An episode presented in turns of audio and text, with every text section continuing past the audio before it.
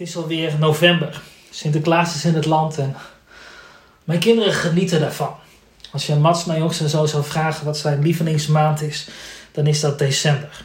Want Sinterklaas, kerst en zijn verjaardag. En dan denkt hij natuurlijk vooral aan al die cadeautjes die hij krijgt. En natuurlijk voor mij als vader wordt ook gevraagd om een verlanglijstje te maken. We gaan loodjes trekken en dan denk ik, wat zou ik nou het allerliefste willen hebben? En dan kan ik natuurlijk aan allerlei dingen denken. Maar het allerliefste wat ik zou willen hebben is de, de blijdschap en de vreugde van mijn kinderen. Als ik zij enthousiast zie. Dat is het mooiste. Dat is het mooiste geschenk wat ik zou kunnen krijgen.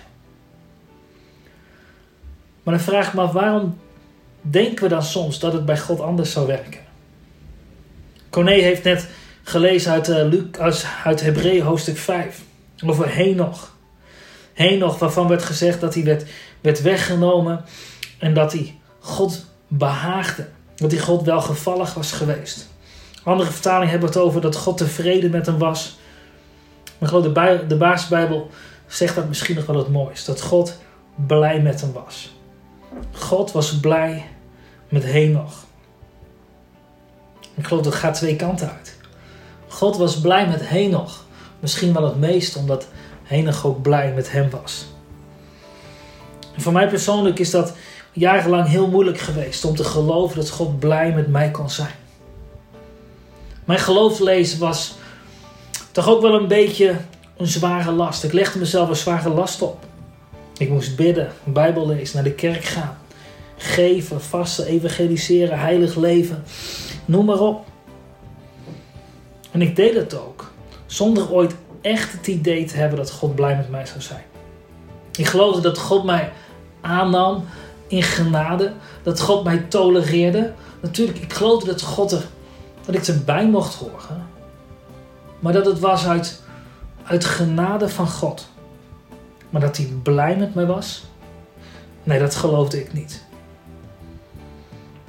En ik geloof, dit kwam uit een, uit een, een, een diepe gedachte over een God die, die een, een, een God, een God die, die nooit tevreden was, die nooit tevreden met mij zou kunnen zijn. Watchmanie heeft ooit gezegd dat het christenleven niet geleefd kan worden door wilskracht. In zijn les die vele geloven maar heel moeilijk kunnen leren. Maar ik heb die les ook moeten leren. Ik wilde ergens Gods liefde en zijn God goedkeuring wilde ik verdienen.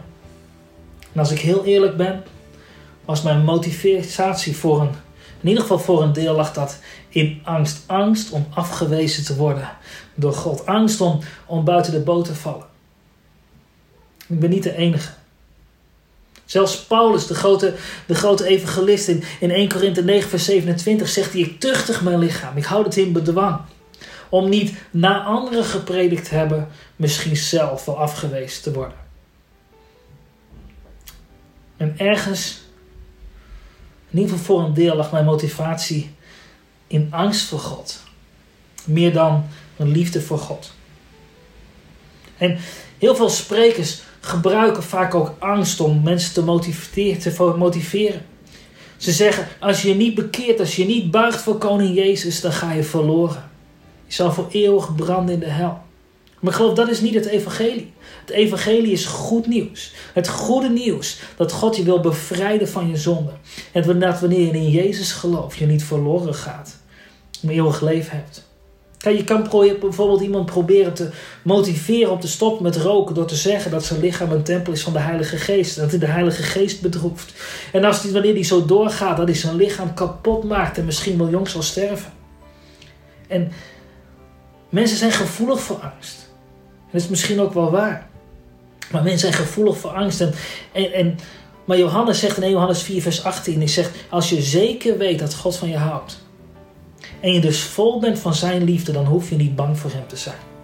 Want volmaakte liefde verjaagt alle angst voor God. als je bang bent, komt dat omdat je bang bent voor straf. En als je bang bent, betekent dat dat je nog niet helemaal vol bent van liefde. Moet ik denken aan het verhaal van die overspelige vrouw die bij Jezus werd gebracht, was betrapt op overspel. En de woorden die Jezus tot haar sprak is: Ook ik veroordeel je niet. Johannes 3, vers 17 zegt, want God heeft zijn zoon in de wereld gestuurd om niet om mensen te veroordelen, maar om door hem mensen te redden. Gods houding naar ons is geen houding van, van oordeel, maar ik geloof God trekt ons met zijn koorden van liefde. Geloof dat is zijn strategie. Hij zou tegen de roker zeggen, zeg ik hou van je. Daarom heb ik mijn leven aan je gegeven, zodat je niet meer gebonden hoeft te zijn aan een sigaret of welke verslaving dan ook. Het is de liefde van God die je geneest en bevrijdt. Maar helaas draaien wij de dingen vaak om. dan zeggen we soms rare dingen als: Ik heb de Heer gevonden. Maar ik heb de Heer niet gevonden, Hij heeft mij gevonden. Hij heeft jou gevonden. Kijk, ik dwaalde af, jij dwaalde af. En het is Zijn liefde die je motiveerde om achter ons aan te gaan. Net zo lang tot dat hij je weer wist te vinden. In het Engels noemen ze dat zo mooi The Great Romance. God zoekt ons, hij trekt ons met zijn liefde. En dan zegt uh, Romein 11, uh, Hebreeën 11 vers 6 zegt verder dat we moeten geloven dat God bestaat. En dat hij een beloning is voor wie hem ernstig zoeken. Kijk, het gaat erom hoe we God zien. Het beeld dat we van hem hebben bepaalt voor een groot deel ook hoe we onszelf zien. En Hebreeën 11 zegt, we moeten zien wat de natuur van God is. God is een beloning. Alleen moet je daar wel in geloven. Hebreeën 11 vers 6, en die heeft uh, Corné het gelezen, zegt als iemand geen geloof heeft, kan, onmogelijk, kan God niet blij met hem zijn. Want als iemand naar God toekomt, moet hij geloven dat hij is wie hij zegt dat hij is.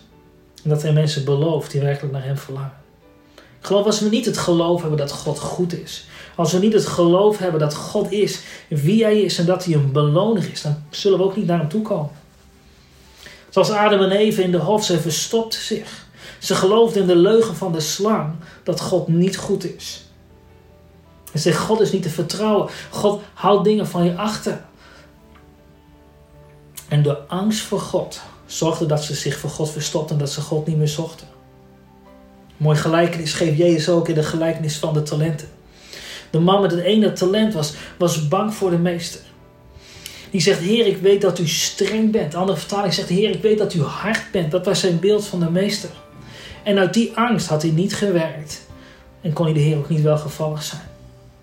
Maar degene die de vijf en de twee talenten hadden gekregen. Hè, die, die, die, zagen de Heer anders. En die gingen aan de slag. En, en de reactie van de vader. De reactie van, van de Heer was, ga in in de vreugde van uw Heer. Het boek zegt het heel mooi: deel in mijn vreugde. De Heer is blij. Zij mogen ook blij zijn. Kijk, het enige wat er in Genesis over Henoch wordt gezegd is dat Henoch wandelde met God.